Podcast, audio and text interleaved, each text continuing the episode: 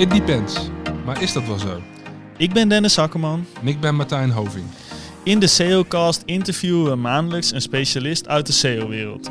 Aan de hand van bekende thema's en ontwikkelingen binnen SEO vragen we de specialist om zijn of haar kennis met de wereld te delen. Veel luisterplezier. Onze gast van vandaag weet eigenlijk te veel van elk onderwerp binnen SEO, dus we drukken hem niet in een hokje. Hij draait al lang mee in de SEO-wereld, uh, en nu als freelancer, eigenlijk ook al vrij lang als freelancer. Uh, het doorzettingsvermogen dat je daarvoor nodig hebt, dat heeft hij ook vertaald naar de racefiets. Want hij haalt ook plezier uit het doorkruisen van Australië op de racefiets. En dat voor iemand die volgens uh, Google op dit moment 73 jaar oud is. Welkom Jan-Willem Bobbink. Als we dus googlen op je naam, krijgen we die 73 jaar als leeftijd terug. Hoe heb je dat voor elkaar gekregen? Nou ja, vroeger, en dan heb ik het echt over 6, 7 jaar geleden, misschien nog wel langer geleden, uh, had Google een hele simpele manier van databronnen uh, gebruiken. En veel van die databronnen waren gewoon nog openbaar en soms ook gewoon bewerkbaar. In dit geval de jaartallen van mensen haalden ze uit een databron à la Wikipedia. Die kon je dus gewoon aanpassen. de reden dat het er nu nog staat is op het moment dat ik het ga aanpassen, ben ik bang dat ze ook de rest van de geschiedenis um, ja, gaan wissen. Dus ik laat het ook gewoon zo staan. Um, het is natuurlijk wel een mooi voorbeeld hè, wat je met je werk doet. Wat wij uiteindelijk als SEO's doen, is het beïnvloeden van uh, informatie in Google. En de manier waarop Google die informatie waardeert en ziet, uh, opmaakt uh, en rankt ten opzichte van de andere partijen die met diezelfde informatie willen scoren. Ja, dit is altijd een mooi binnenkomertje natuurlijk ook bij klanten, want die doen dit ook. Dus vaak de eerste vraag bij klanten is hoe, hoe werkt dat, hoe kan dat? Um, en dan kun je meteen uitleggen hoe SEO werkt. Van, hey, het is een stuk input wat Google ziet of moet zien. Dat is de eerste uitdaging vaak voor SEO's. Ja, en dan ga je kijken welke informatie dat is en hoe kun je dat doorgeven aan Google op de manier zoals je zelf wilt. Dus ja, ik vind het altijd een mooi haakje en dat is de reden dat ik het uh, laat staan. cool. Ja, Martijn die noemde het al even. Je hebt een behoorlijke geschiedenis in SEO. Kun je ons uh, en de luisteraar ook allereerst eens meenemen in dat uh, ontwikkelpad? Hoe heeft dat eruit gezien? Ja, ja, ik ben eigenlijk vanaf mijn zestiende al eigen ondernemer. Um, en in het begin, uh, dan heb ik het over uh, begin, jaren, uh, begin jaren 2000 eigenlijk, um, mijn eerste webshops opgezet. toen ik 16 was ben ik begonnen met het importeren van skate- en skielenwielen uit Zuid-Korea hierheen. Um, en ik was een van de eerste in Nederland die daar ook een webshop voor had. Ja, dat was nog simpele HTML met een JavaScriptje voor, de, voor het winkelmandje. Uh, en mensen moesten alles nog zelf invullen en dat soort dingen. En, ja, op een gegeven moment lag de hele tuin, uh, tuinhuis van mijn ouders vol met wielen, uh, maar werd er niet genoeg verkocht. Um, en ik kon al zelf websites bouwen en toen was de stap om, dat te laten ranken was eigenlijk de volgende. dus rond 2003 ben ik me echt meer gaan verdiepen in, in de SEO-kant van dingen. en die bleek uiteindelijk leuker te zijn dan het verkopen van spullen. Um, dus toen ben ik echt de affiliate kant opgerold. Uh, waarbij ik gewoon een platform heb gebouwd die uh, aan de ene kant geautomatiseerd informatie ophaalde. Uh, zelf een soort van feeds opgebouwd. Um, en ik wist natuurlijk precies wat de triggers waren om toen, zeker in kleinere landen, gewoon relatief makkelijk te, te ranken. Um, dus dat heb ik een paar jaar gedaan. Ondertussen geprobeerd te studeren. Nou, dat was niet echt mijn, mijn ding.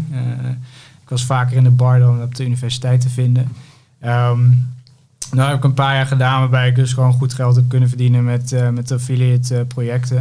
Um, op een gegeven moment is het toch wel een lampje gaan branden van hè, um, is dit SEO zoals het is? Weet ik alles of niet? Ik had ergens het idee dat uh, voor de echt grote partijen in deze wereld dat er meer zou spelen. Um, dus toen ben ik gewoon eens gaan kijken en ben ik bij een bureau aan de slag gegaan. eerst als linkbuilder volgens mij. na een half jaar werd dat SEO consultant. Um, en volgens mij binnen twee jaar was dat bureau uh, toen de tijd ook het beste SEO-bureau volgens e-merse uh, in Nederland. Internet Advantage uh, heette dat toen. Um, dus we hadden gewoon een hele leuke club mensen en, en klanten, waarbij we toen heel bewust de keuze hebben gemaakt om als bureau ook echt alleen specifiek SEO te doen.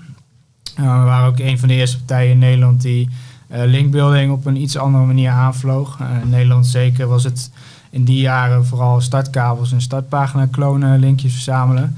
Waarbij wij al, al gingen kijken van hè, hoe kunnen we het nou echt de traditionele content marketing verenigen met online.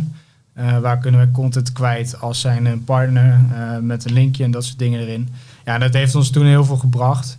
Maar op dat moment zag ik ook wel in dat je, hey, het moment dat je bij een bureau werkt, ben je vaak beperkt binnen het contract wat, uh, wat er afgesloten wordt. Je hebt niet de volledige vrijheid. De klant geeft je vaak ook niet die, die vrijheid die je nodig hebt. Dus ja, toen heb ik redelijk snel ook de knop omgezet om te gaan freelancen. Ehm, ja, en dan nu zijn we denk ik twaalf jaar verder en doe ik dat nog steeds. Um, voor een heel variatie aan, aan klanten. Dus dat, dat varieert van uh, de eBay's in deze wereld tot, tot de bakker op de hoek en alles wat er tussenin zit. Um, en dat doe ik ook heel bewust, omdat je dan ook echt goed kan zien wat de impact van bepaalde wijzigingen in Google zijn. Want je hebt echt een dwarsdoorsnede van uh, het soort websites en, en, niches en talen wereldwijd. en het werkt net overal weer iets anders. Dus ja, hoe meer data en klanten je hebt, hoe makkelijker je ook tegen een klant oprecht kan zeggen van ja, dit heeft voor jullie geen zin om dit te gaan doen. Want jullie zijn geen e-commerce platform. Of, uh, nou, we, hebben het, we hebben het even kort gehad over Google Updates en de, en de impact op, uh, op de rankings en de, soort content wat dan naar boven komt of naar beneden gaat tijdens zo'n update. Ja, het heeft hem soms ook geen zin om, om een, een e-commerce platform op informatieachtige keywords te laten ranken of niet. Uh, of je, je kunt oprecht tegen een klant zeggen: hè, we zien dat in Amerika de kwaliteit van dat soort zoekopdrachten beter is, maar in Nederland hebben we gewoon nog geduld nodig.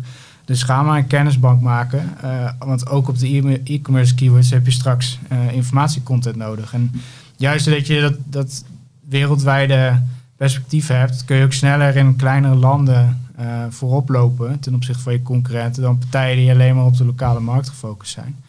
Um, dus ja, dat, dat dat maakt ook dat zo'n zo'n divers klantenportfolio ook heel leuk om mee te werken natuurlijk. Zie je dan ook echt, uh, want het is heel internationaal, ook echt uh, internationale verschillen? We hebben het wel eens uh, gehad over, over de VS, dat ze misschien wat voorlopen. Of misschien ja, zeker, zeker Amerika. Um, en voor mij internationaal ten opzichte van de rest houdt vaak in het Engels taalgebied ten opzichte van kleinere talen. Uh, en zeker in de laatste jaren gaat het bij Google steeds meer om het begrijpen van de inhoud van een website en het begrijpen van de zoekopdracht van een gebruiker van Google en die beter aan elkaar matchen.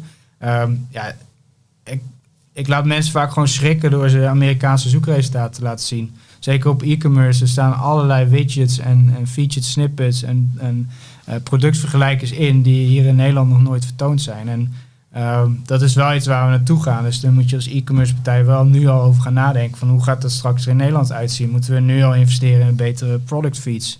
Uh, is onze product structured markup uh, data wel volledig genoeg? Of missen we daar dingen?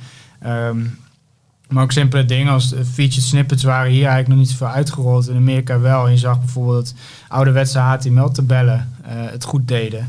Ja, nou ja, dan kun je dat direct al bij, uh, bij Europese klanten uitrollen. En op het moment dat het hier uitgerold werd, waar veel van mijn klanten hadden dat al. Um, dus op die manier blijf je gewoon voorlopen. En um, ja, dan is het, als je alleen op je lokale markt focust, uh, zeker nu is er genoeg werk, maar je mist wel dat, dat inzicht. Um, wat je ook lang niet altijd krijgt vanuit internationale blogs bijhouden of, of lezen, uh, delen. Want ook dat is maar een beperkte informatiestroom. En soms ook echt niet relevant voor de lokale markt. Uh, Google slaat soms ook gewoon dingen over. Uh, het kan best zijn dat in Amerika iets werkt wat in Nederland gewoon niet relevant is. En, en zie je binnen die Europese markt zelf ook nog, uh, nog verschillen? Zeker, ja. ja traditioneel linkbuilding per land verschilt heel erg. Hè. Ja. Waar liggen de grenzen? waar kun je mee wegkomen, waar niet? Um, nou, we hebben de grap gemaakt, uh, ook die, die, komt gewoon vanuit Google zelf, dat als in Turkije bepaalde standaard thresholds van hoe ziet een agressief linkprofiel eruit, hoeveel exacte enkers mag je hebben. En ze gaan hetzelfde toepassen wat ze in Nederland doen als in Turkije. Ja, dan ben je in Turkije, haal je de hele top 10 eruit en er staan nog 100 sites klaar die een, eenzelfde soort linkprofiel hebben. Dus ze kunnen dat gewoon niet meer um, doen vanuit één, één perspectief, vanuit één dataset. Ze zullen echt per lokale markt en uh, ik denk zelfs per lokale query space, dus een bepaald onderwerp. Uh, neem casino in Nederland, dat ze ja. dat als cluster nemen. Um, en dat zal er heel anders uitzien dan uh, pannenkoeken kopen uh, in Turkije. Dus hè, je gaat ja. echt kijken naar hoe ziet een onderwerp eruit, welke spelers zitten daarin, wat is daar een gemiddeld linkprofiel. Uh, en daar mag je bijvoorbeeld 15% van afwijken om, om nog te voldoen. Uh, zo niet, dan gaan ze misschien een kijkje nemen of je inderdaad echt niet aan de regels houdt of niet. Nou, wat mij bijvoorbeeld zelf wel opvalt, is dat het lijkt dat in landen zoals Duitsland of Frankrijk partijen echt veel defensiever bouwen. Bijvoorbeeld met een anchor text profiel als het gaat om linkbuilding. Uh, veel lagere aantallen op categorie landingpage niveau. Terwijl ja, in Nederland lijkt het soms wel een beetje alsof dan bijvoorbeeld alles kan. Terwijl ja, ik dan bijvoorbeeld van, van onze Duitse specialisten hoor dat dat ja, dat die daar wel echt op, op afgestraft. Ja, uh, ja en Google heeft natuurlijk ook een, uh, een aantal jaren echt wel uh, de publiciteit opgezocht met, met een soort achterliggende gedachte van we gaan gewoon die markt laten denken dat ze heel erg voorzichtig moeten zijn.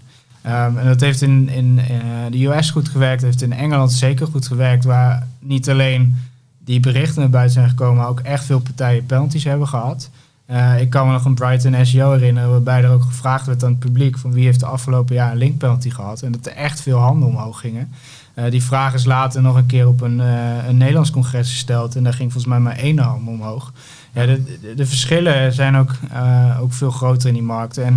En Duitsland is ook een hele grappige markt, omdat vanuit oudsher zijn het wat meer technische mensen, een technische achtergrond. Dus die ja, die houden zich liever met die technische SEO-aspecten bezig. Dus die durven zich daar ook niet aan te branden. En ehm, die gaan liever op dat vlak de concurrentie met elkaar aan. En die zeggen van hè, dat onvoorspelbare deel linkbuilding, want dat is het. Hè, waar zitten die grenzen? We hebben geen idee. Het verschilt nog per keyword cluster misschien. Ja, daar branden ze dan liever hun vingers niet aan. Dus uh, je, ook nog die culturele achtergronden die verschillen. En dan, dan is dit het resultaat dat ze in Duitsland zeggen van ja, we pakken liever een ander deel SEO op dan dat we ons uh, risico's gaan nemen op dat gebied. Ja. Nou, het is wel grappig. Ik drink ook met alle bureaus in Nederland, alle linkbuilding partijen, wel koffie over het algemeen. Dan stel ik ook altijd de vraag van, joh, wanneer zijn jullie nou voor het laatst een keer... Uh, ja, je hoort nooit eigenlijk de afgelopen drie, vier jaar dat, dat iemand op dat vlak uh, een penalty gaat. Nee, en, en, het kan ook zijn dat eh, in Nederland Google het ook gewoon lastig vindt om, om grenzen te trekken. wij hebben een redelijk uniek linklandschap. Ja. De startpagina.nl trekt nog maandelijks miljoenen bezoekers. Ja. Um, als je dat in het buitenland vertelt, dat link directories in Nederland nog een, een daadwerkelijke functie hebben, ja, dan heb je ook de lachers op je hand. Ja, um, het is ongekend eigenlijk dat een, een link directory nog primetime op tv uh, reclame maakt. Ja. Uh, maar dat betekent wel dat er nog heel veel gebruikerswaarde in zit. Dus ja, dan, dan heeft het ook direct waarde voor Google natuurlijk.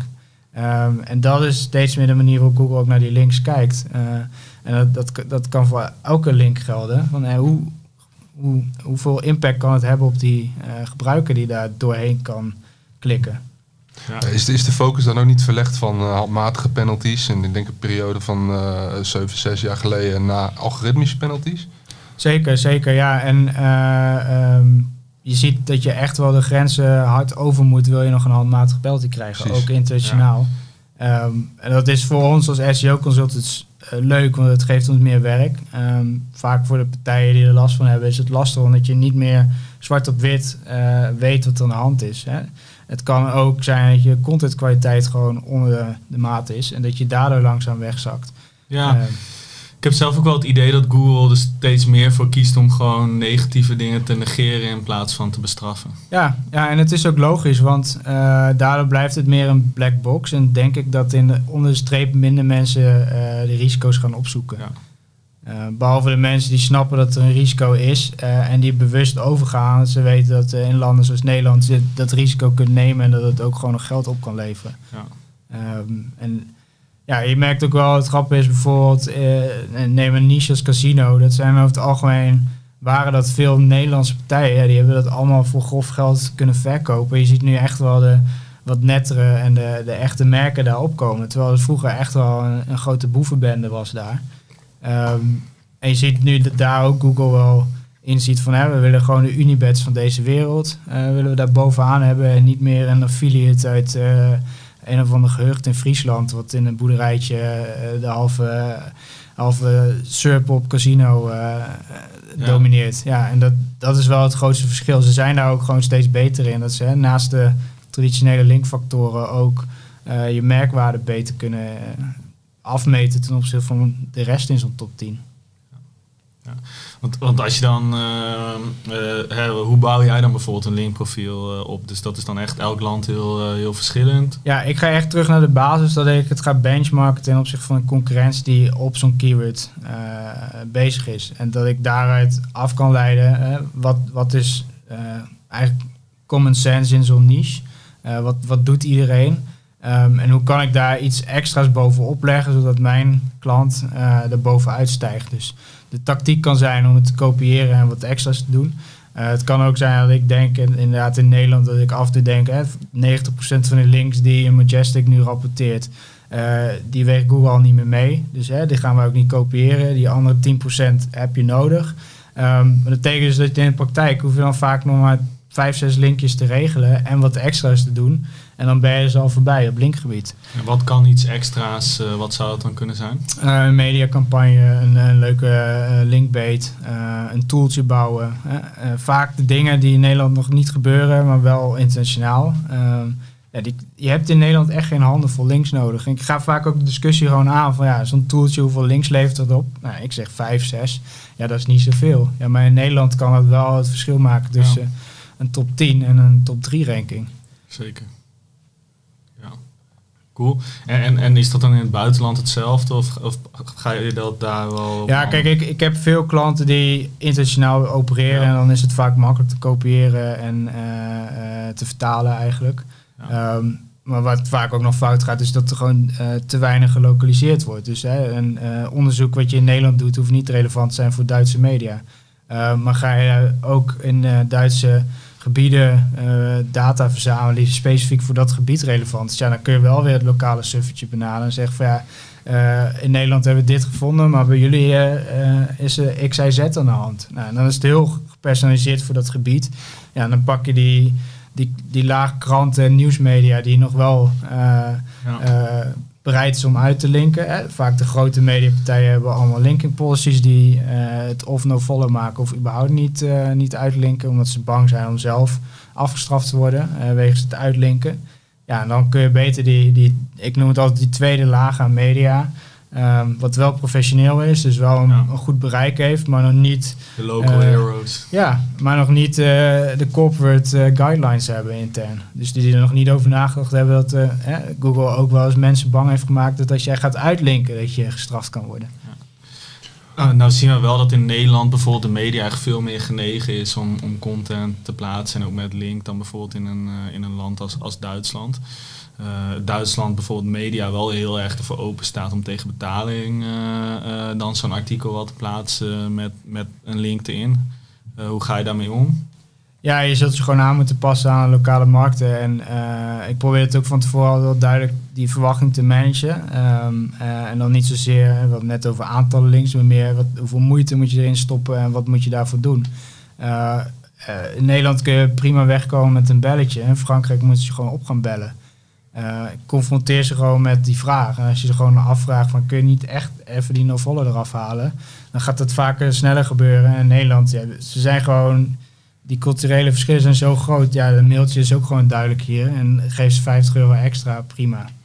Uh, Ja. Maar in Frankrijk kom je daar niet meer weg. Want die zitten gewoon misschien ook... Ik, ik heb die media daar niet heel goed gevolgd. Alleen hè, de wetten zijn daar net iets strenger eh, wat betreft Ja. advertorials.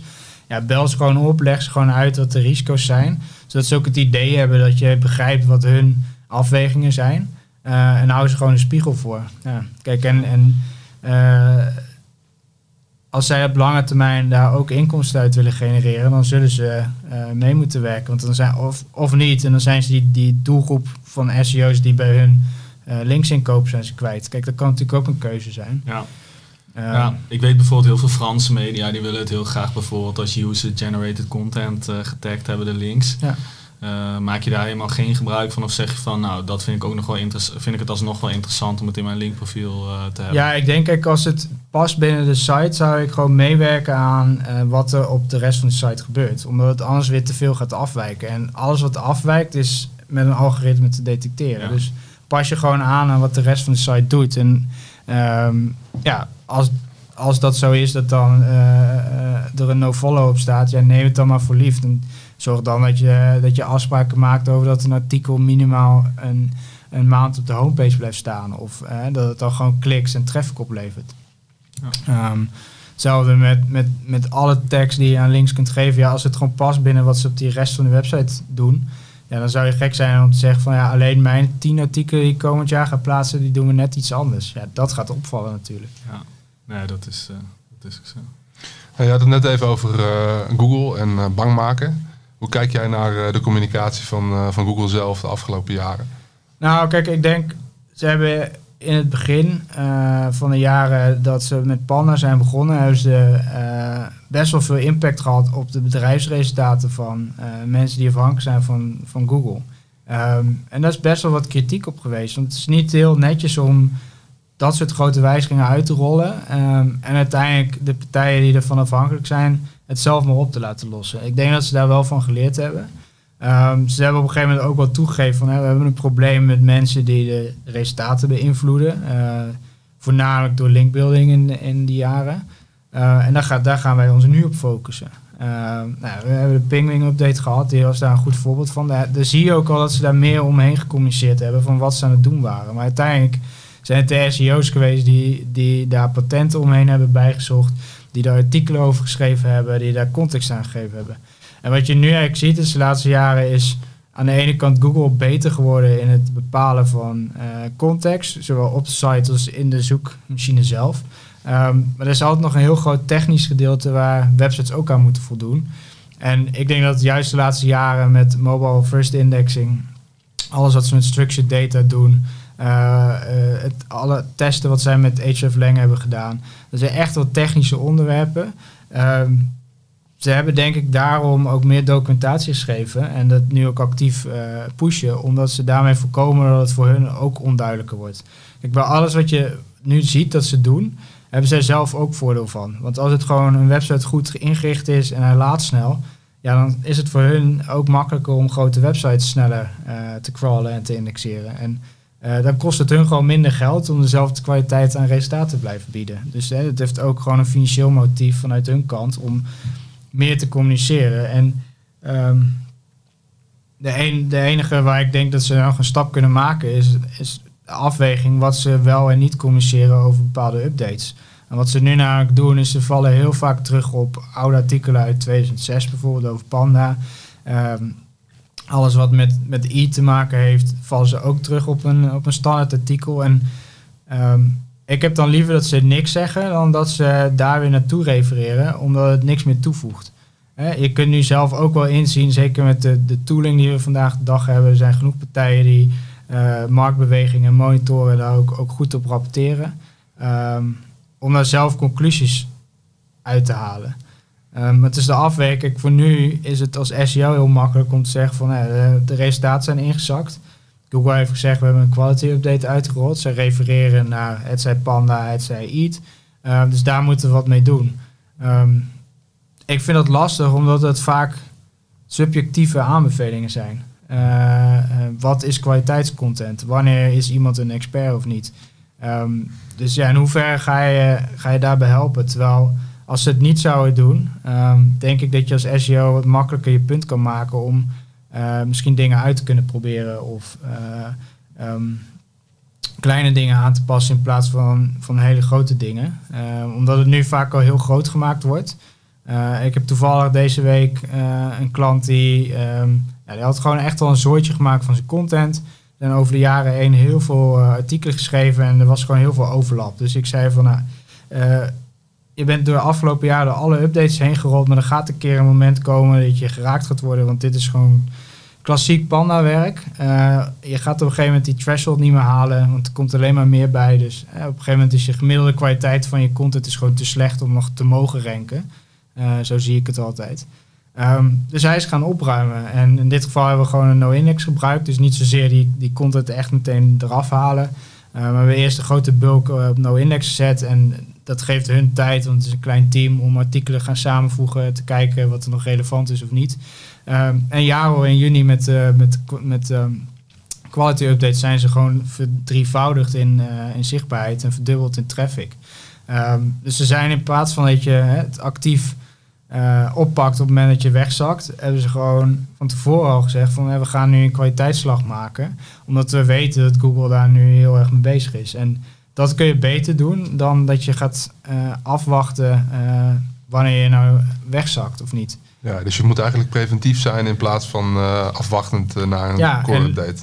Dat is denk ik de rol ook van marketingmanagers en de rol van ons als SEO's naar die marketingmanagers toe om ze daar bewust van te maken van hè, neem niet genoegen met wat je nu al hebt. Want je kunt altijd meer halen of zorg dat je die stabiliteit in je, in je, in je zichtbaarheid behoudt. Ja, je gaf net zelf aan van een voorbeeld waarbij elke update was maar weer de vraag of die klant omhoog of omlaag zou gaan. En je zit je echt in een achtbaan. Mm dat is als klant zijn niet leuk, dat is als consultant niet leuk. Dus ja, dan probeer ik het vaak extreem te trekken. En dan zeg ik van ja, uh, het risico bij de volgende update. Nou, we weten allemaal in de zomer is Google altijd heel veel met updates bezig. Ja, ik gooi hem dan altijd gewoon naar binnen. Dat ik zeg van ja, als je zo doorgaat, ben je volgend jaar al je traffic kwijt.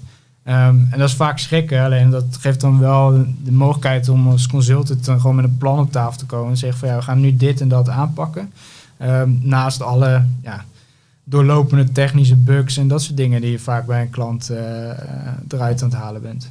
En je had het net even over uh, content in dit geval uh, en die klant die ja, eigenlijk gewoon crappy content heeft op lange termijn dan.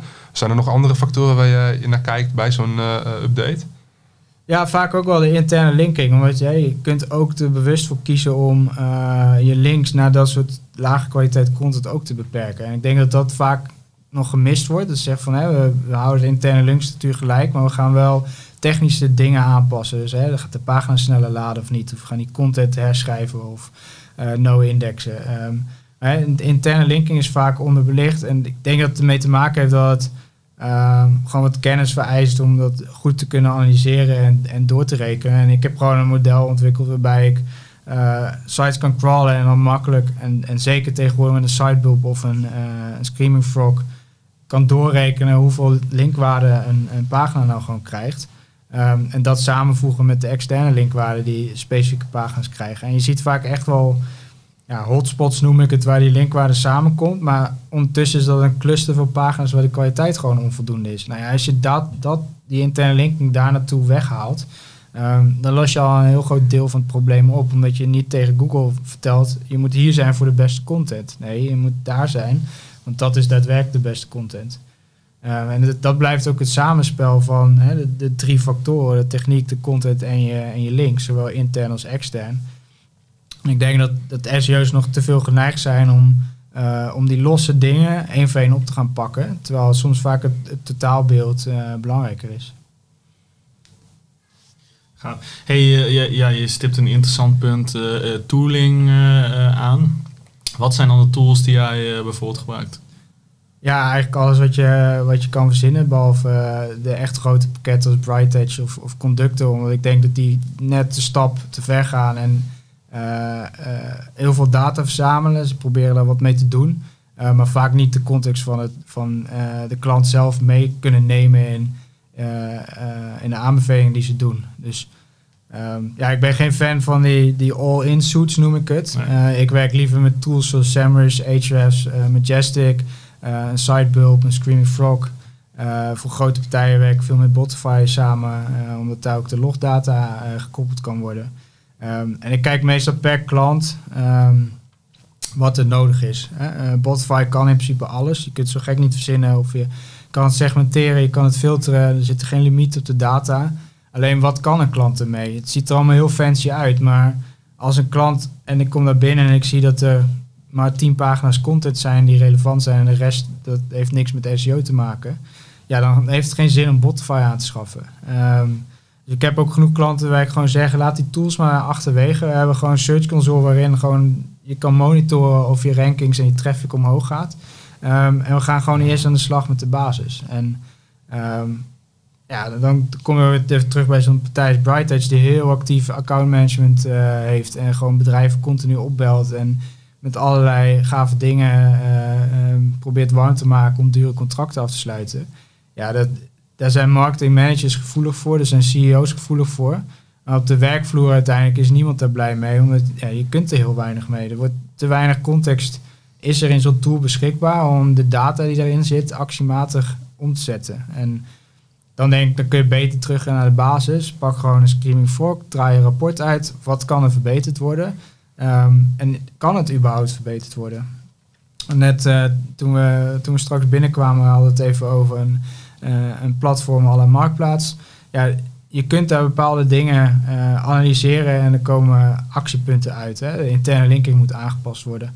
Maar ja, dat platform is niet alleen SEO. Er zitten zoveel andere partijen en stakeholders achter dat het moet allemaal uitgelijnd worden voordat je misschien een linkje op de homepage aan kan passen.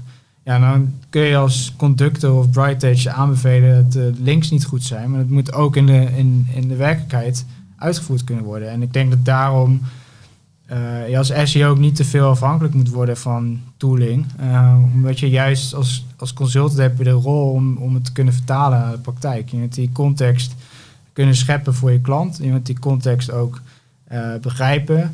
Um, en ik denk ook als uitdaging zien. Hè. Er zijn genoeg klanten die zeggen, ja, het, kan niet. Nou, dan ben ik altijd de eerste die zegt van, dan ga ik wel voor jullie op zoek naar een, een oplossing. Um, daarom ben ik blij dat ik wel de achtergrond heb dat ik zelf websites kan bouwen. Uh, en dat ik ook weet waar ik moet zoeken naar oplossingen.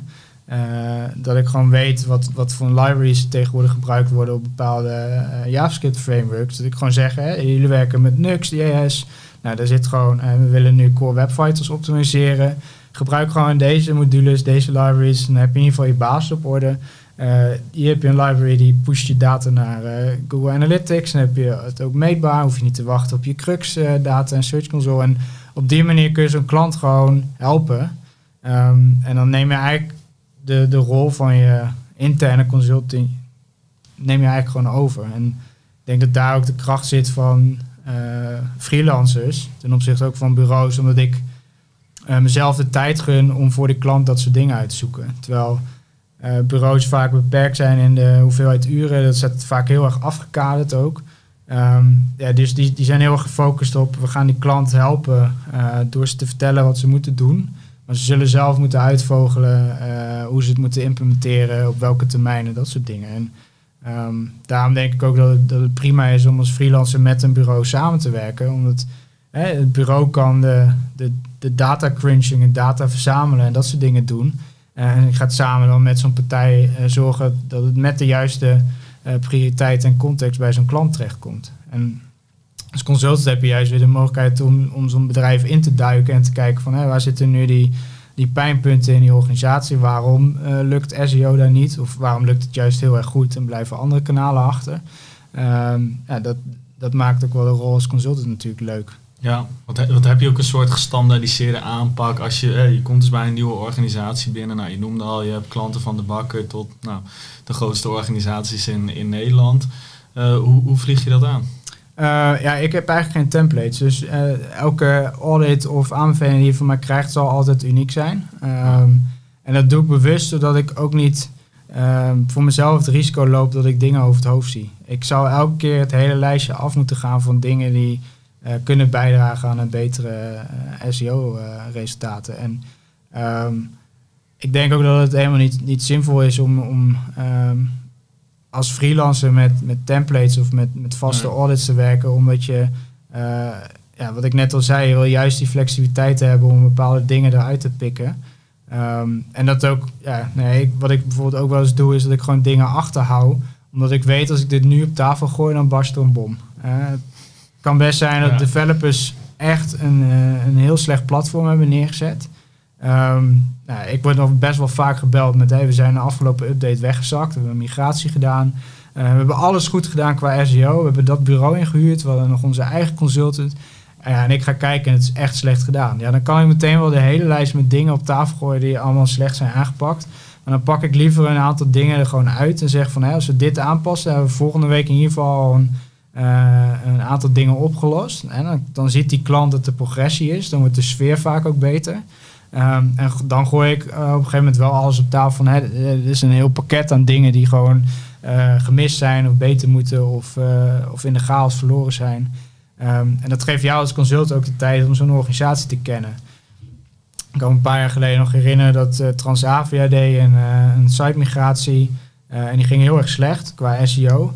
Um, en er kwam ook een artikel over op, op Marketing Facts en iedereen viel erover. En iedereen mist natuurlijk de context van wat daar intern was gebeurd. En er was gewoon uh, al een reclamebudget ingeboekt voor die dag. Dus er moest die dag gemigreerd worden naar het nieuwe platform. Ja, dan kun je als SEO gaan roepen wat je wil. Maar als er een paar miljoen voor die dag gereserveerd is aan mediabudget, ja, dan moet je er gewoon het beste van maken. Ik heb klanten gehad waarbij ik binnenkwam waar het uitgangspunt op dat moment was, nou, we accepteren een verlies van min 80%. Kun jij daar min 20% van maken in die twee weken die je nu hebt. En dan ga je op een hele andere manier aan de slag dan dat je zegt van hè, um, maak een audit en beveel ons aan wat we moeten doen om de komende vijf jaar uh, uh, met dubbele cijfers te groeien. Um, dus ja, dan, dan moet, je, moet je wel flexibel zijn. Dan heeft het geen zin om, om templates te maken. Uh, plus ik denk, ik, ik vind het werk ook te leuk om, om een, een checklist af te werken. Uh, ga dan naar een bureau toe die inderdaad die, die checklist heeft liggen en je die dat ook kan geven. Um, ja, ik, ik doelde ook niet zozeer op een standaard template of, of, een, of een checklist, maar meer van oké, ja, je komt ergens binnen, wat, wat pak je, uh, ga je eerst een, een website uh, crawlen in een, in een Screaming Frog of, of pak je eerst een search console erbij. Uh, ja, wat pak je het eerst aan? Ja, ja nou eigenlijk wat jij nu opnoemt, ja. ik gooi het meteen aan een aantal crawlers. Uh, die vaak toch specifieke punten hebben waar ze beter in zijn of makkelijker visualisatie hebben. Um, maar ik doe dit vaak al voordat er überhaupt een contract getekend wordt. Ik ga vaak het eerste gesprek al in met het idee van, uh, um, of waar, waarvoor ik al allerlei data heb verzameld. Kijk, ik kan niet de interne data verzamelen. Nee. Wat ook kan is als ik na het eerste gesprek zie van hè, ik heb te weinig context om te beoordelen of ik iets kan toevoegen. Uh, ik werd gisteren gebeld door een, uh, een, potentiële nieuwe klant die hebben een migratie gedaan. Nou, die hebben interne consultants zitten. Uh, ik had van tevoren gekeken. Ik zeg van nou, je hebt precies gemigreerd tussen twee quality updates in. Dus ik weet gewoon niet, zijn het die quality updates? is het de performance wat jullie zelf denken? Of is het gewoon pech? Uh, of zijn het maand, uh, jaartrends?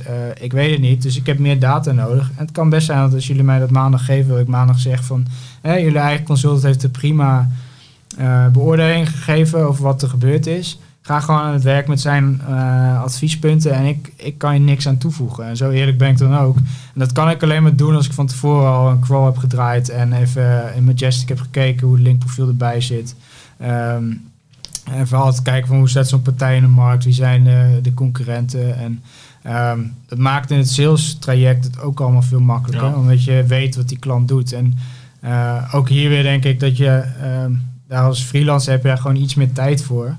Uh, omdat je hè, die, die kosten verdien je uiteindelijk wel weer terug als zo'n ja. zo'n project gaat lopen. En uh, je hoeft niet zo op die, dat, die uren focus te zitten als bureaus wel zitten. En die hebben gewoon vaak uh, x mensen zitten, er moeten zoveel uur verkocht worden en dat, dat, dat fabriekje moet blijven draaien.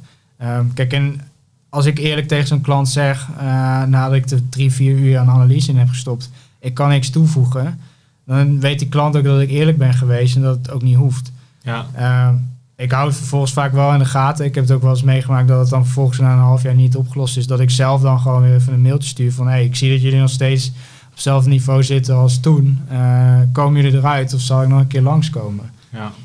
Um, ja, en dat wordt altijd heel erg gewaardeerd. Je, je, je, bent gewoon heel eerlijk over wat je, wat je zelf kan of wat je kan bijdragen. Mhm. Um, en je gaat zelf geen tijd besteden aan projecten waar je uh, eigenlijk van tevoren al weet dat er niks uit gaat komen. En je kunt je eigen tijd veel beter begroten, omdat je van tevoren al weet wat er speelt. Ja, ja, ja. dus je maakt ook, je loopt niet in de valkuil dat je uh, of onder of over begroot. Dus Precies, uh, ja. beter idee van waar je, waar je aan toe bent. En um, zeker met, met site migraties of, of uh, klanten die penalties hebben gehad, is, ja, er is bij de klant vaak ook geen idee van wat ze kunnen verwachten. Nee. Dus um, ja, zeker nu met die, met die quality updates van de laatste jaren, het kan best zijn dat je twee, drie keer moet wachten. En dan heb je het echt over een periode van zes, negen maanden. Mm -hmm. Ja, moet ik dan een contract af gaan sluiten dat ik elke week twee uur bij hen op kantoor ga zitten? Nou, dat lijkt me een beetje onnodig als ik weet wat de oorzaak is. Ja. ja. En, die migraties, hè, de, dat komt er natuurlijk uh, vaak terug. Nou, wat zie jij nou als de, de belangrijkste reden dat migraties uh, mislopen? Nou, denk maar aan Transavia voorbeeld in dit geval. Ja, uh, ik denk nummer één nog steeds. en het is echt een open deur zijn het vergeten van redirects. het gewoon niet, niet volledig redirecten van oude naar nieuwe URL's. Uh, het andere is uh, te veel tegelijk willen veranderen. Okay. Ehm, dus ik ben geneigd, zeker de laatste jaren waarin Google ook wat trager is om, om het te verwerken. Ehm, om verschillende onderdelen. En denk dan aan het aanpassen van content, denk aan het aanpassen van je HTML-templates, uh, interne linking, om die toch in stappen te doen. Op het moment dat het gewoon in het geheel uh, verandert. Dus uh, ga je alleen van domeinnaam switchen, maak je niet zo druk, want je kunt gewoon alles overzetten. Um, ga je van URL's veranderen, ja, dan wordt het alweer een ander verhaal. Um, dan zou je ervoor kunnen kiezen omdat Google toch die nieuwe URL moet indexeren. Hij zou die historie van die vorige URL over moeten zetten om dan meteen de content ook mee te nemen. Um, ga je de hele interne linking aanpassen? Ja, dat zijn wel gevaarlijke dingen. Dus die zou ik apart trekken. Doe dan eerst je domein uh, migratie uh, en ga dan je interne linking uh, aanpassen. Kijk, het probleem is als het namelijk fout gaat, je weet nooit achteraf waar dan, stel je past vier dingen aan, welke van de vier dan de schuldige is voor die daling. Mm -hmm. Het andere risico, zeker nu met, met die grote hoeveelheid updates die ze achter elkaar doen aan Google's kant, ja, je weet gewoon niet of het ook misschien door die updates is gekomen. Dus, en dan is, dan is het ook weer makkelijk. Kijk, als je je content gelijk houdt uh, en voor de rest is alleen je domeinnaam veranderd. En je ziet toch rond die periode dat een quality update uitgerold, een grote daling. Op een handje voor keywords, waarvan toch al twijfelachtig was dat die content die jij daarvoor beschikbaar had, wel de meest relevante was. Ja, dan ben ik al snel geneigd om, eh, laat die migratie dan maar achterwege. Ga gewoon met je content aan het werken. Het kan ook gewoon een een signaal zijn van hé, jullie hebben altijd geluk gehad dat je aan de goede kant van de, van de threshold zat. En dat je nu toevallig tijdens de migratie daaronder zakt. Omdat je ook andere factoren misschien net iets minder zijn dan daarvoor. Ja, dat kan wel een signaal zijn dat je, dat je de afgelopen jaren natuurlijk gewoon geluk gehad hebt met, uh, met waar je stond. Ja. Uh, ja, wat voor mij altijd uh, als CEO een beetje ongrijpbaar stuk blijft, is dat hele JavaScript stuk eigenlijk. Uh, ja, nou heb ik begrepen en ook wat ik gezien heb van jou, dat dat wel echt een stuk is waar ook een groot stuk ehm, expertise uh, van jou ligt. Kun je daar ons eens in meenemen? Uh, ja, hoe heb jij die kennis vergaard? Hoe, hoe ben je daar beter in geworden? Wat, wat zijn de zaken wat, wat je daarin misgaat of juist kunt verbeteren voor bedrijven? Ja, kijk, ik denk de, de moeilijkheid daar ligt dat het begrip JavaScript is heel breed. Hè? Het is een programmeertaal. Um, ik weet trouwens niet of ik mag zeggen taal, maar de, de puristen hebben daar volgens mij een andere mening over. uh, maar het is in ieder geval hè, een manier om te programmeren. Um, alleen uh, vroeger gebruikten we het puur als aanvulling op je standaard HTML. Dus je gebruikte een stukje JavaScript om je Google Analytics in te laden, of een minuutje uit te laten klappen, of uh, kleurtjes te laten veranderen op je website. En wat er tegenwoordig gebeurt, is dat in plaats van dat je uh, je backend op een PHP of een andere taal, Python, laat draaien, laten ze backend systemen ook op JavaScript draaien. En de hele frontend ook. Dus de manier waarop die pagina opgebouwd wordt, die is niet meer afhankelijk van ouderwetse programmeertalen, maar die draait ook op JavaScript. En dat is vaak al het eerste kennis, ja, gat eigenlijk mensen hebben die zeggen van ja, ik weet prima hoe JavaScript werkt, je plakt het gewoon in je HTML en dan doet het iets. Ja, dat is dus niet meer het geval. Het draait de hele backend en de frontend draait op JavaScript. Dus hè, je CMS draait op een backend van, van uh, JavaScript. En uh, dat maakt dus ook dat um, de manier waarop die pagina's opgevraagd worden en uitgeserveerd en opgebouwd worden, um, ja, om nieuwe uh, invalshoeken ook vanuit zoekmachines vraagt. En JavaScript vraagt veel meer resources van een browser, van ook een, een Googlebot. Uh, en Google heeft in het begin gezegd van ja, wij kunnen daar wel mee omgaan. Nou, en, daar is denk ik het grootste probleem ontstaan. Ze hebben dat vijf, zes jaar geleden voor het eerst geroepen van hé, jullie hoeven er niet bang voor te zijn. Wij kunnen dat gewoon renderen. Wij begrijpen JavaScript. Wij komen daar wel uit. Dus maak je niet zo druk om hoe je dat doet. Uh, denk probleem 1 was dat heel erg in de kosten ging lopen aan hun kant. Um, als zij vijf seconden aan de pagina moeten besteden in plaats van één, omdat de JavaScript op staat. Ja, dan zijn ze dus vijf keer langer bezig om het hele web te indexeren. Dus het kost ontzettend veel uh, servercapaciteit. Um, en het is niet alleen het, uh, het ophalen van meer code. JavaScript is vaak gewoon meer bytes. Maar ook het, het renderen, het, het, processen van die data en het uitvoeren ervan ja, bij HTML krijg je gewoon wat je ziet. Uh, JavaScript gaat vaak in stappen. Die vraagt nog eens een keer wat extra op aan de serverkant. Dus het is heel intensief voor zo'n eh, CPU van die Googlebot. Nou, en dat is de andere kostenpost. Ehm, uiteindelijk bleek dus dat ze daar niet zo goed in waren als ze zelf gehoopt hadden. En toen hebben ze gezegd van ja, we willen eigenlijk dat jullie ons gaan helpen door een, uh, pre-rendered versie. Dus dat je de versie, zoals je hem vroeger ook deed, qua HTML klaarzet op de server. Dat netjes gecached hebt en dat het gewoon meteen uh, kant-en-klaar naar Google gestuurd wordt. Um, alleen het probleem is dat binnen die, die groep aan JavaScript developers in de community heerst nog steeds het beeld wat vijf, zes jaar geleden is gezegd, dat Google komt er wel uit. Nou, en daar ontstaan dus nu heel veel problemen. Dat developers denken Google kan daar prima mee omgaan. Um, maar wij SEO's hebben gezien dat dat dus in de praktijk niet zo is. En dat het allerlei problemen op kan leveren. Dus dat in die HTML die initieel naar de, Googlebot gestuurd wordt, dat er bijvoorbeeld geen interne linkjes in staan. Of dat de content ontbreekt. Of dat afbeeldingen er niet in staan.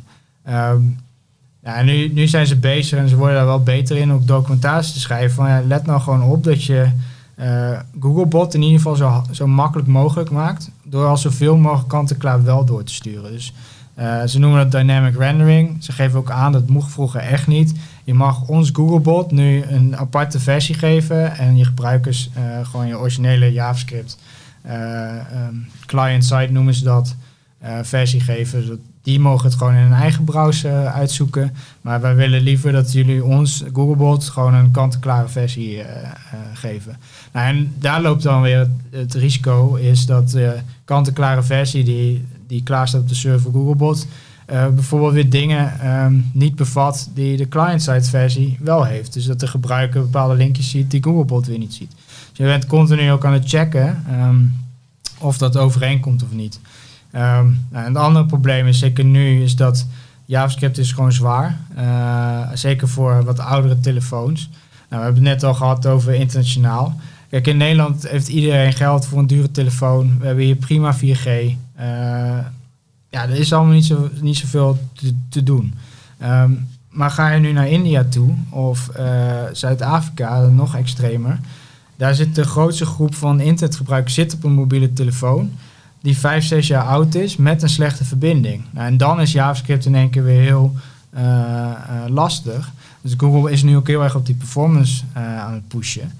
Wat je in de praktijk dus ziet is dat bij sommige partijen gaan we gewoon kijken van kunnen we onze doelgroep niet splitsen in een groep met high-end telefoons en een snelle internetverbinding en een groep met trage verbindingen. Die geven je dan de kant-en-klare versie al, omdat jouw server is sneller dan de telefoon bijvoorbeeld van je gebruiker. Nou, en doe je het eigenlijk zelfs als je wat bij Googlebot doet. Van je weet dat het Googlebot is. Schreef ze de kant-en-klare uitgeklede versie. Um, ja, en dan het tweede deel van je vraag van hoe heb je het zelf aangeleerd, is uh, gewoon zelf, zelf platformen gaan bouwen op basis van de JavaScript frameworks. Uh, dus ik heb op een gegeven moment gewoon de tien meest gebruikte Um, volgens een, een, een, survey op, op Stack Overflow. Die heb ik gewoon allemaal gedownload. En ik ben op elke ben ik gewoon een websiteje gaan bouwen met simpele pagina's. En gaan kijken, zit er standaard meta-tags in? Hoe werkt het met interne linking? Wat als ik een pagina weghaal? Uh, hoe, hoe moet ik dan een redirect aanmaken? Um, dat soort simpele dingen. Van, hè, wat gebeurt er als ik uh, CSS wil verkleinen? Zit dat er standaard in of moet ik daar een module voor zoeken? Um, dus ja, op een gegeven moment als je dat doet, dan heb je zelf al een heel lijstje met, met standaard oplossingen voor problemen per framework. Dus als nu een klant op belt zegt van ja, we werken met dit framework, dan weet ik al, ik moet daarop letten, ik moet daarop letten. Uh, en dit kan gewoon niet opgelost worden met dit framework. Dus dat is een, dat is een afbraakrisico. Die keuze kun je maken. Maar dat geef ik je gewoon nu aan, want dat zit er standaard niet in. Dat is ook nog niet opgelost. Een mooi voorbeeld is dat heel lang Angular, uh, het framework wat door Google mensen zelf ontwikkeld is, was het slechtst uh, uh, te, te begrijpen door Googlebot. En dat soort dingen, als je dat weet, dat, dat, ja, dat maakt ook de communicatie naar developers um, makkelijker, omdat je het gewoon doet op basis van je eigen ervaringen. En dan is het ook makkelijker om Google tegen te spreken, want er staat nog genoeg documentatie waar nog steeds staat dat ze kunnen client-side websites kunnen ze begrijpen. Um, ja, dan moet je daar tegenover zetten uh, 100 artikelen van SEO's die zeggen dat het niet zo is. En nog blijven ze vasthouden aan de officiële documentatie van Google. Dus dan gewoon kan laten zien wat het probleem is dat je het zelf hebt nagebouwd. Ja, dan, dan is het gewoon tastbaarder dan, dan dat het cases zijn die, uh, die anderen geschreven hebben. En denk je ook dat er een moment gaat komen dat Google wel uh, client-side, dus kunnen het uh, nu... Uh, ja, ik denk dat het op een gegeven moment wel recht trekt. Um, ja. Ja, we hebben het nu heel veel over Google, maar een Facebook heeft ook informatie nodig om op het moment dat zij een linkje krijgen om te posten, willen ze daar vaak een fotootje bij hebben, een stukje metadata ja, daar werkt het vaak ook niet. Dus mm je ziet dat Google daar eigenlijk al voor loopt op alle andere grote techbedrijven die ook afhankelijk zijn van het opvragen van losse pagina's. Ehm, dus ja, als je dat, dat doortrekt, die lijn, dan, denk, dan kan je, kun je zo zeggen dat Google nog wel twee, drie jaar nodig heeft om, om helemaal up to speed te zijn. Misschien wel langer. Ja. ja. Ja, alleen ook hier geldt weer dat zij waarschijnlijk de kosten-baatanalyse gaan maken van ja, hoeveel extra capaciteit moeten we erbij steken om, om, om genoeg websites te kunnen begrijpen om de kwaliteit van onze zoekresultaten niet uh, te laten afnemen. Um, want kijk, op een gegeven moment kun je zeggen van er zijn nu niet zoveel websites dat we er extra in moeten investeren. Maar de trend is wel nu dat zelfs de kleinste website in één keer naar zo'n fancy JavaScript framework over stappen, want dat is waar alle developers mee werken. Dus er gaat een omslagpunt komen dat um, de WordPress community op een gegeven moment dat ook als frontend uh, opzet gaat gebruiken. Ja, en dan op het moment dat dat soort platformen omgaan, dan zou Google wel bij moeten schakelen. Want ik denk dat het nu geen kwestie meer is van niet kunnen. Ik denk eerder dat het nu een budgetvraagstuk uh, is. Van hoeveel geld willen we eraan uitgeven om de kwaliteit te kunnen waarborgen. Ja. Oké. Okay. Helder, helder uitleg, dankjewel. We hebben halverwege, we zitten al wel iets over de helft, uh, ook altijd een rubriek uh, de grootste SEO-fuck-up. Uh, als Quo voor kennis hier over de tafel gaat, vraag ik me af. Maar heb je een, een SEO-fuck-up die je met de luisteraars wil, wil delen? Ja, ik denk dat het dan een makkelijke haakje is naar de migraties die we, die we net hadden. Um, is dat, dat er gewoon, gewoon geen enkele migratiestrategie was. Die klant die, die heeft een nieuw domein gekocht. Er kwam een nieuw logootje. Dus er was een, uh, een bureau wat, wat het redesign deed. Er was een bureau uh, verantwoordelijk voor de nieuwe content. Um, en er was een interne developer die op de dag zelf twee knopjes om zou zetten. En dat was het. En die partij die deed ongeveer 100.000 euro omzet in de week via SEO. Ehm, en er was gewoon over niks nagedacht. Er was door de developer intern gewoon gecommuniceerd van ja, we zetten straks een nieuw design live. Uh, ik zet de backend gelijktijdig om, zodat die content vanuit een andere CMS komt. En dat is het. Ja, en dan ben je binnen een week ben je alles kwijt. Dat, er bleef ook echt gewoon niks aan de strijkstok behalve de branded traffic. Alles was weg. Je bent gewoon 99% van traffic kwijt. En ja, dan vraag ik me wel af van hè, uh, hoe kan het dat, dat een developer en ja, zo weinig context heeft van hoe het web werkt. Um, kijk, wij kijken, bekijken het vanuit SEO, maar je kunt ook beredeneren van die partijen zendt ook nieuwsbrieven. Daar staan links in. Uh, mensen bewaren die e-mails, die zouden ook moeten blijven werken. Dus en vanuit elk marketingkanaal, um, hè, ze deden ook, oh, dat ging ook weer via een extern bureau, deden natuurlijk ook gewoon paid acquisition. Die, dat was ook niet omgezet. Dus er was gewoon niet over nagedacht dat een, een URL is iets unieks. Dus het, een eindpunt. Um, daar moet je iets mee doen als dat verandert. Dus ja, dat, was, dat, dat concept dat was gewoon niet... Niet, uh, niet over nagedacht. Nee. We hebben sowieso geen haat-liefde verhouding uh, met developers? Als nee, nee, omdat ik, ik denk oprecht, omdat zij hebben vaak wel een, uh, een, bepaalde training of opleiding of een, of een traject uh, gehad uh, tot het punt waar ze nu zijn. En ik merk gewoon dat het echt een, een kennisgebrek is. En dat mm -hmm. kun je ze niet kwalijk nemen, omdat het, het staat niet in de boeken. Nee. koop een boek over JavaScript, daar staat nergens iets over SEO in. Um, de gemiddelde development communities, daar wordt niks over SEO geschreven, behalve de basisdingen als je moet een meta tag hebben, je moet een titeltag hebben. Uh, links moeten gewoon volgens de standaard HTML-codes eh, gedaan worden.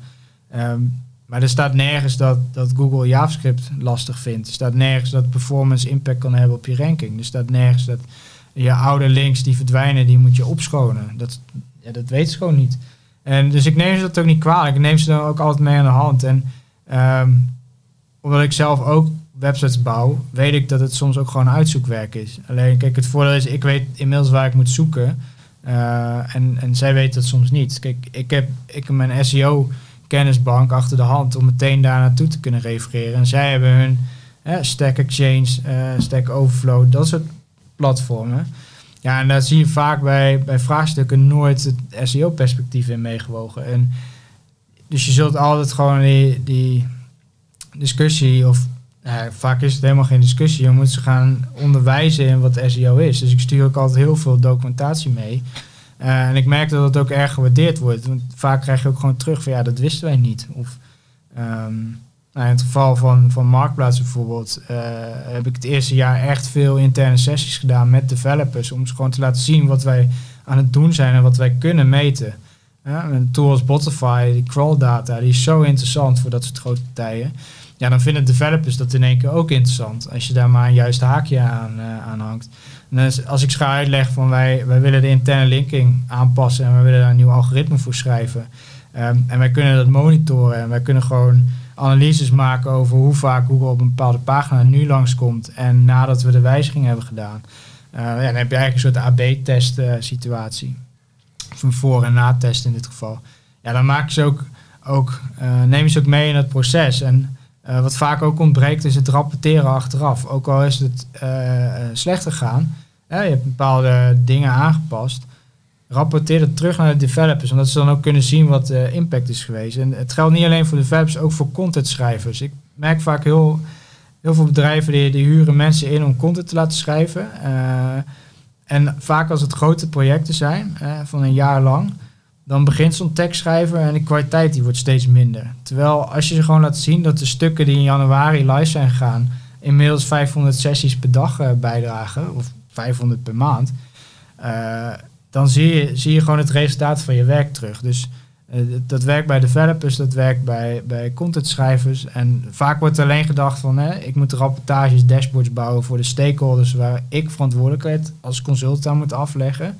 Maar uiteindelijk zijn degenen die, die ja, met, de, met de handen in de modder aan het voeten zijn, ja, die moet je juist zorgen dat ze enthousiast blijven. En uh, ja, ik denk dat dat wel, wel een learning is van, van, de, van het werken met grote corporates is dat uh, je daar juist de winst uit kan halen.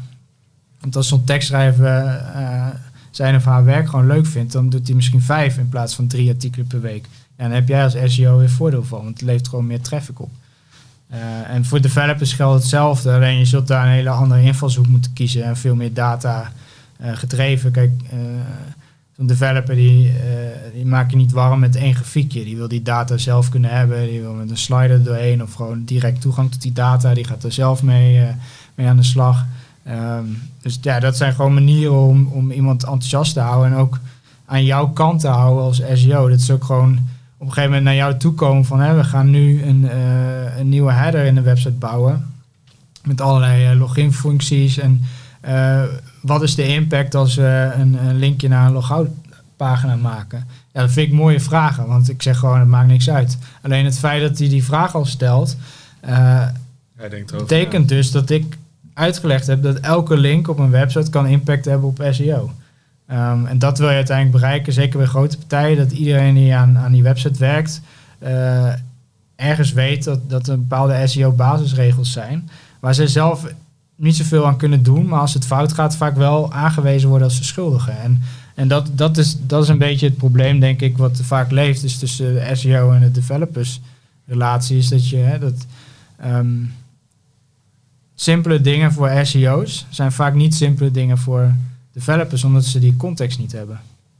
En als je dat gaat overbruggen doordat ze uh, workshops geeft of gewoon meeneemt en voorbeelden geeft, um, wat ik ook nog wel eens wil doen is dat, nou, dat kent iedereen, dat uh, je schrijft een actiepunt op voor een developer en die komt terug, ja, dat kost 16 uur werk.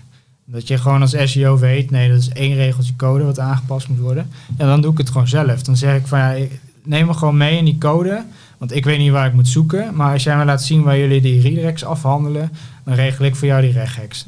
En op die manier dan... Uh, dan geef je gewoon directe input wat ze moeten doen. En dan weten zij in het vervolg ook hoe ze het moeten doen. Um, en dan ben je de discussie ook kwijt. En ik denk dat dat wel het voordeel is als je wat langer rondloopt. Je hebt gewoon veel meer van dat soort handigheidjes in je, in je portfolio liggen waar je gewoon uit kan plukken en zeggen van ja, daar heb ik al een oplossing voor of dat heb ik al een keer eerder gedaan. Of Uh, in plaats van dat je gewoon zegt van ja, los het probleem op. Zeg van ja, je zou het probleem zo kunnen oplossen. En dat, ja, dat maakt het wel. En we hadden straks over die, die audits en een checklist. Kijk, mijn audits zijn vaak heel actiegericht. Van hè, we gaan X, Y, Z oplossen. En hier heb ik al een, een, uh, een, mogelijke oplossing. En dat ik gewoon weet van hè, dat, dat werkt met dat CMS. Nou, uh, WordPress, moet je die plugin doen, heb je dat opgelost. Nou, dat, is, dat werkt veel handiger dan dat je zegt van zorg dat de performance van de pagina met 20% verbetert. Dat is niet heel concreet. Nee, je legt volledig die verantwoordelijkheid bij die developer neer. Terwijl ik denk, nee, uh, jij bent degene die kennis heeft. Uh, en je zit hier natuurlijk wel op het vlak van hè, waar houdt de verantwoordelijkheid van de SEO consultant en de kennis ook op. En waar begint die van de developer. Hè? Daar kun je met heel veel technische aanbevelingen kun je continu dat in die weegschaal gaan leggen. Van, hè, wat ga jij aanbevelen en tot op welke hoogte? En wat is de verantwoordelijkheid van die developer? En ik merk gewoon dat hoe meer je in die stoel van die developer gaat zitten, hoe uh, zeker op lange termijn, hoe beter die relatie ook is. En ik word tegenwoordig gewoon door de developers gebeld van ik zit nu bij een, bij een nieuw bedrijf en die zitten met eenzelfde soort probleem als waar we toen aan gewerkt hebben. Uh, die SEO consult komt er niet uit. Ik denk dat jij ons kan helpen.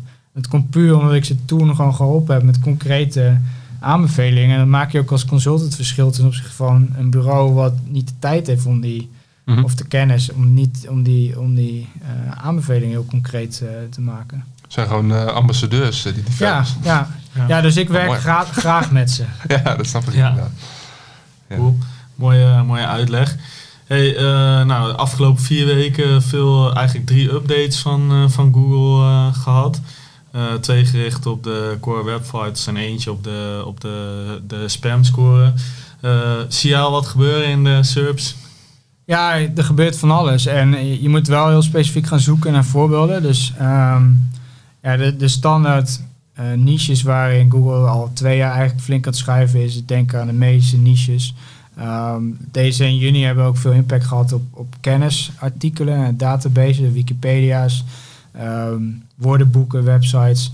Dus echt waarbij je ook ziet, je gaat of hard omhoog of hard naar beneden, omdat die vaak een, een, een, bepaalde soort content hebben. En als je dat over de hele site heen als zodanig geclassificeerd wordt, uh, dan lig je er of uit of je mag meespelen. Um, en ik denk wel dat dat uh, wat tekend is voor wat ze nu doen. Dus zeker die laatste in, in, in juni. Er zijn er wel echt grote verschillen geweest, maar het aantal websites wat daardoor geraakt wordt, is wel weinig. Dus je ziet echt dat ze bepaalde thresholds hebben aangepast.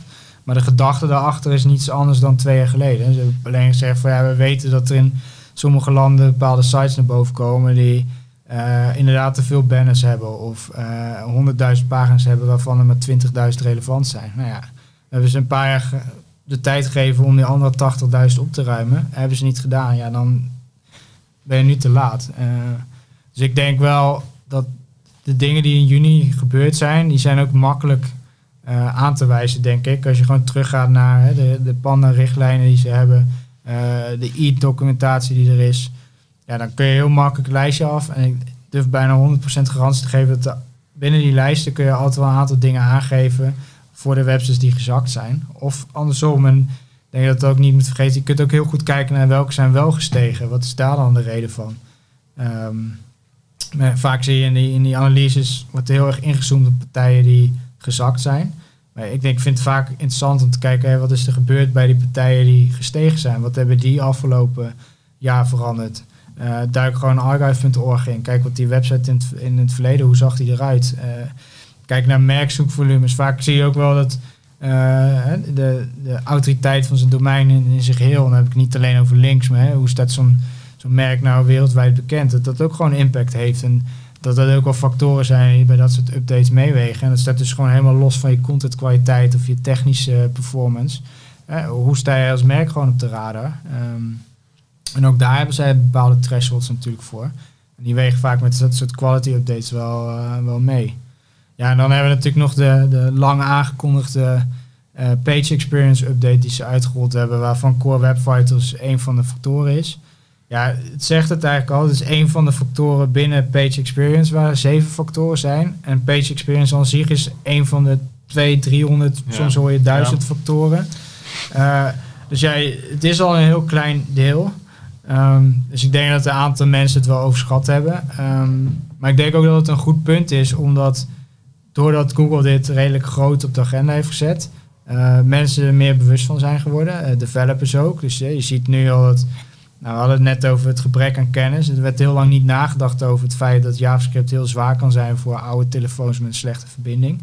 Ja, nu in één keer wel, omdat je gewoon punten aftrek krijgt in de tooling die Google nu agressief aan het pushen is. Ander punt is dat je, als je je website sneller maakt, je ziet gewoon verbeteringen in het aantal leads of conversies.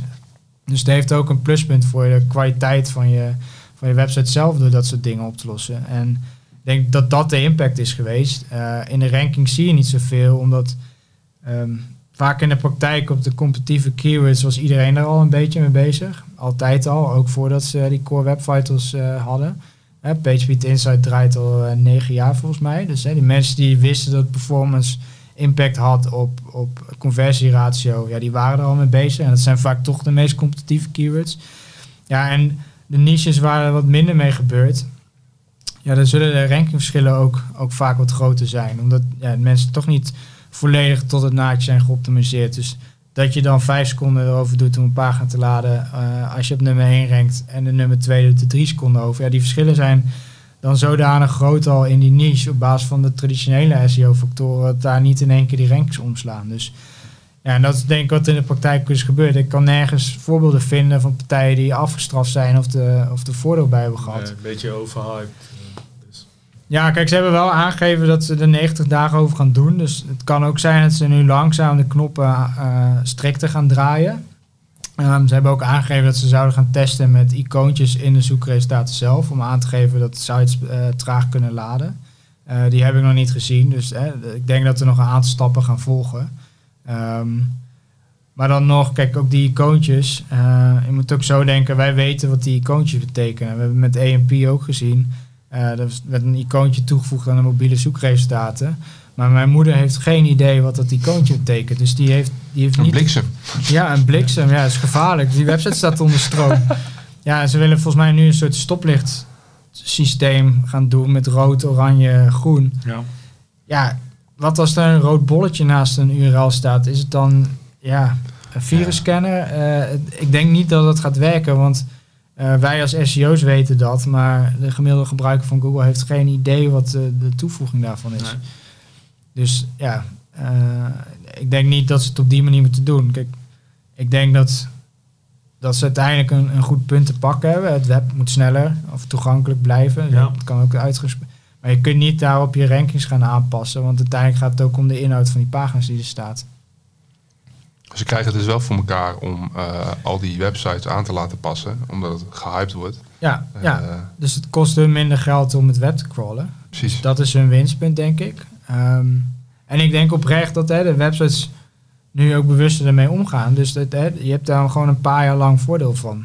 Totdat er straks, weet ik veel, een JavaScript 2 komt en websites weer logger en groter worden. Um, ja, dan zullen ze wel weer wat anders verzinnen. Kijk, en dit is wel een logisch gevolg op wat ze met EMP hebben geprobeerd te doen. Met een soort uitgeklede versie van, van HTML en JavaScript. Een soort basisframework maken om, om standaard websites te beperken in uh, capaciteit. Daardoor het web sneller te maken. Ja, dat is natuurlijk redelijk geflopt. Um, ja, dan doen ze het maar op deze manier. Dat ze gewoon zeggen, ja, snelheid is een rankingfactor. Um, ik had ergens verwacht dat ze EMP meer zouden pushen. Um, Alleen ja, er is al zoveel over geschreven ook, ook zowel aan de developerskant als in de, in de SEO-wereld. Mensen trappen er niet meer in. Nee. Volgens mij als je in, in Engelse zoekresultaten zoekt op wat is EMP, dan staat uh, bovenaan een artikel ja. van uh, Barry Adams. Ja, onze uh, Nederlandse vriend. Ja. Met fuck EMP, Google. Ja. ja. Google can go to hell with it. Ja, dus ja. Dus ze hebben het zelf ook niet meer gepusht. Want als ik Google zou zijn en ik zou dat zien dat dat rankt, dan zou ik zelf gewoon op hun eigen blog daar wat tegenover zetten. Dat, die moeite hebben ze ook al niet genomen. Dus nee. ik denk dat die kant, dat zal gewoon een langzame dood uh, zijn voor EMP. Um, kijk, je kan het nog steeds oppakken als je als het perspectief van je standaard platform is dat het de komende jaren niet veel sneller kan zijn. Ik heb klanten gehad bij de um, categoriepagina's en de productpagina's gewoon 12 tot 13 seconden overdelen om te laden. ja, daar een EMP-versie van maken was minder werk dan die hele infrastructuur achter die categoriepagina's ombouwen. Dus dat heeft toen de tijd ook daadwerkelijk impact gehad op de rankings eh, en op de resultaten qua conversie. Ehm, maar als nu een klant bij mij komt en zegt, van, moet ik dat doen? Dan zeg ik direct nee, want je, je dupliceert al je URL's. Ja. Dan gaat er een moment komen dat je dat weer op moet ruimen. Eh, je maakt het voor Google lastiger, je maakt het voor gebruikers lastiger. Eh, mensen gaan naar twee verschillende URL's voor dezelfde content eigenlijk linken. Dus Ja. eh, dat, dat wordt ook weer verdund. Dus ja, je moet wel echt een goede, goede reden hebben wil je dat nu nog, eh, nog gaan implementeren. Hey Jan Willem, eh, ik vond het echt een super eh, inspirerend gesprek. Ik eh, heb veel van je geleerd, eh, veel opgestoken. Ik denk ook dat we nog wel een uur eh, door zouden kunnen praten. Dat kan Zeker. prima, ja. Eh, we zitten ook al dik over een uur, dus eh, ik wil je bedanken voor je komst Geen en alle dank. kennis die je hebt, eh, hebt willen delen. Dankjewel.